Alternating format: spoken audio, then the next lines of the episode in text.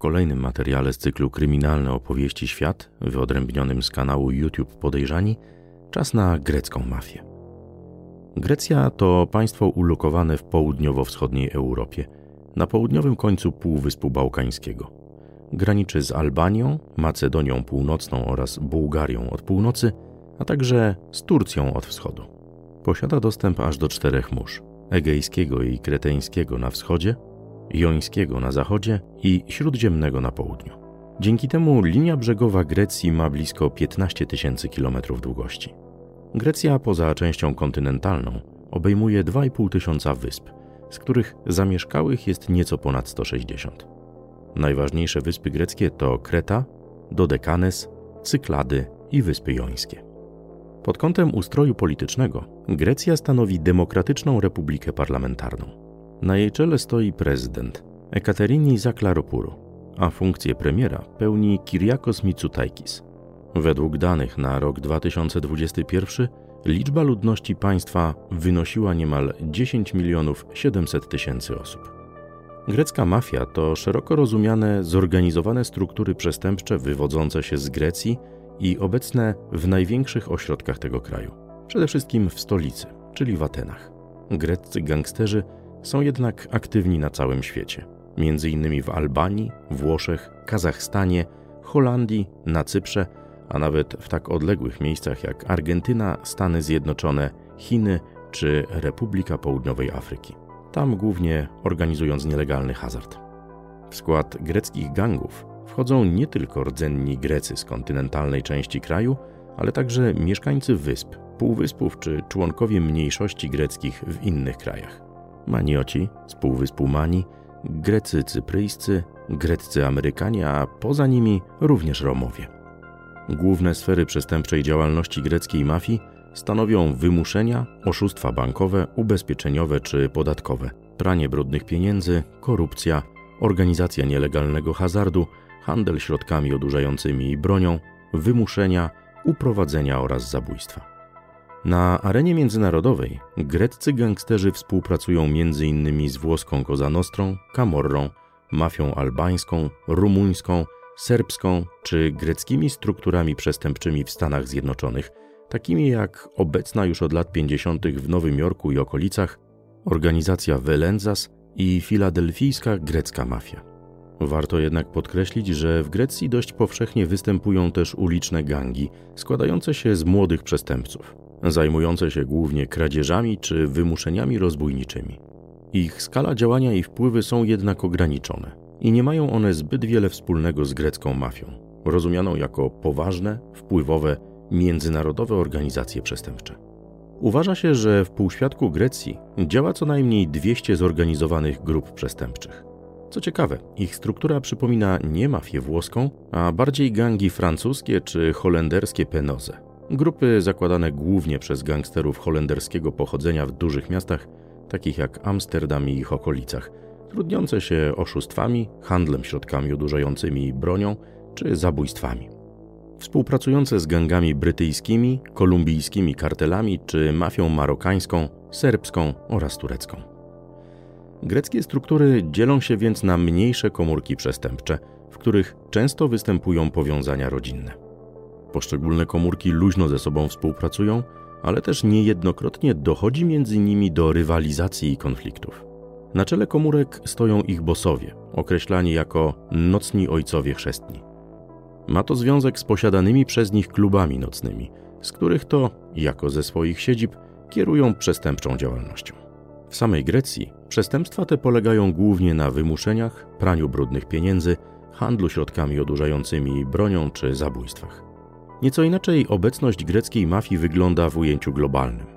Przede wszystkim w kontekście przemytu środków odurzających czy broni i wymuszeń haraczy, ale na zdecydowanie większą skalę. Konieczność opanowania na potrzeby uprawiania tych procederów przedsiębiorstw z różnych branż w wielu krajach powoduje, że do greckich struktur mafijnych przystępują osoby bez greckiego pochodzenia. Alternatywne rozwiązanie to współpraca z zagranicznymi, lokalnymi organizacjami przestępczymi, takimi jak wspomniana włoska Cosa Nostra czy Camorra. Inny przykład to przemyt ludzi, broni, środków odurzających, np. heroiny i paliw razem z mafią albańską czy rosyjską do portów m.in. w Neapolu i Antwerpii. Swoją drogą, co tyczy się środków odurzających, przede wszystkim marihuany i haszyszu, greckie grupy przestępcze uprawiają konopie indyjskie na Krecie i Półwyspie Peloponeskim, skąd dzięki szerokiemu dostępowi do międzynarodowej żeglugi handlowej środki odurzające od lat trafiają do dużych ośrodków miejskich w całej Europie.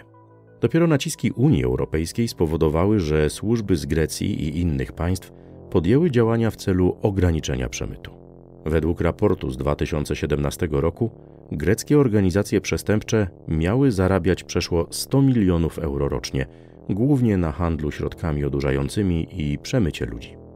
W praktyce jednak okazuje się to dość trudne z dwóch powodów. Pierwszy, jak mówiliśmy, greckie grupy przestępcze są dość małe, często oparte na relacjach rodzinnych i współpracują ze sobą dość luźno.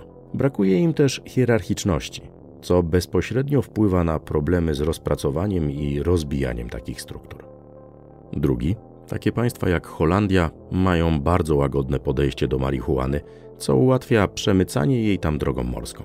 Dopiero potem środki odurzające są rozprowadzane w innych krajach, gdzie marihuany nie można kupić legalnie, co nie oznacza jednak, że nie ma na nią popytu. Warto powiedzieć też więcej o obecności greckiej mafii w Ameryce Północnej, przede wszystkim w Stanach Zjednoczonych i Kanadzie. Struktury przestępcze greckiego pochodzenia działają tam od kilkudziesięciu lat, mając przy tym różny charakter. Część z nich to gangi całkowicie niezależne od greckiej mafii z Europy, inne zaś można natomiast uznać za przedstawicielstwa greckiej mafii kontynentalnej w Ameryce.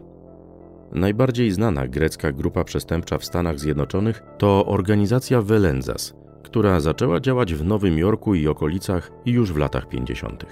Wywodziła się z greckiego klanu Kourakos, kierowanego przez Petera Kourakosa, pseudonim Petegrek, w której skład wchodzili manioci, czyli ludność zamieszkująca półwysep Mani. Dopiero jednak w latach 80., gdy na jej czele stanął Spiredon Valencas, pseudonim Spiro, grupa zyskała na znaczeniu, kontrolując znaczną część nielegalnego handlu w rejonie Nowego Jorku, głównie w dzielnicach Queens i Brooklyn. Wówczas organizacja liczyła przeszło 30 członków. Spiro współpracował z włosko-amerykańską rodziną przestępczą Lucchese, ale chcąc rozszerzyć swoje wpływy hazardowe, popadł w konflikt z przywódcą rodziny Gambino, Johnem Gottim, który groził Valenciasowi śmiercią, co dzięki podsłuchom ustaliło FBI. Spyredon Valenzas, pseudonim Spiro, został zatrzymany i w czerwcu 1992 roku skazany na dożywotnie pozbawienie wolności za zabójstwo, lichwę, organizację nielegalnego hazardu oraz przestępstwa podatkowe, ale uniewinniony od zarzutu innego zabójstwa. Potem przypisano mu udział w kolejnym. Sarehonallo, pseudonim samego de Araba, do którego doszło w 1988 roku z inicjatywy rodziny Lucchese, kiedy Spiro rozmawiał z nim przez telefon. Od czerwca 2021 roku przebywa w federalnym kompleksie więziennym w Allenwood w Pensylwanii. Rok później, w wieku 86 lat, wystąpił z wnioskiem o warunkowe przedterminowe zwolnienie z odbywania reszty kary ze względu na zły stan zdrowia. Od momentu jego zatrzymania w 1992 roku wpływy organizacji Valenzas w Nowym Jorku stopniowo malały, choć istnieje ona do dziś. Podobnie do dziś istnieje filadelfijska mafia grecka, której korzenie sięgają aż do lat 30. Powstała ona w południowej Grecji z inicjatywy niejakiego Steve'a Patakosa, który mając problemy finansowe w latach 60. przeniósł się do Stanów Zjednoczonych. Niewiele później skazano go na dożywotnie pozbawienie wolności za zabójstwo, a rządy w organizacji przejął Helesias Bouras, pseudonim Steve. Wówczas grupa zajmowała się oszustwami kredytowymi, wymuszeniami, handlem metamfetaminą i organizacją nielegalnego hazardu. W maju 1981 roku Bouras i jego dziewczyna Janet Curro, jej rodzina również miała powiązania mafijne, zostali zastrzeleni w greckiej restauracji Ventis w Filadelfii. Podczas zdarzenia obecny był współpracownik Bourasa, Raymond Mantorano, pseudonim Long John, żołnierz mafijnego bossa Nicodemo Scarfo, pseudonim Little Nicky. Nieoficjalnie uważa się, że Scarfo zlecił zabójstwo Bourasa, bo ten nie chciał płacić mu haraczu, głównie od handlu metamfetaminą. A Martorano wiedział o planie zamachu. Ostatecznie nikogo nie udało się pociągnąć do odpowiedzialności za to podwójne zabójstwo. Co ciekawe, dzień wcześniej zginął inny grecki gangster, Harry Bouras, z miasteczka Upper Darby pod Filadelfią. Po śmierci Helsaisa Bourasa, pseudonim Steve, grecka mafia zaangażowała się w wojnę gangów w Filadelfii. W 1987 roku wielu gangsterów usłyszało zarzuty związane z handlem kokainą w wyniku dużego śledztwa prowadzonego przez FBI. Obecnie filadelfijska mafia grecka, poza pojedynczymi przypadkami zatrzymań lichwiarzy przez służby, wydaje się nie prowadzić już szerokiej i poważnej działalności przestępczej.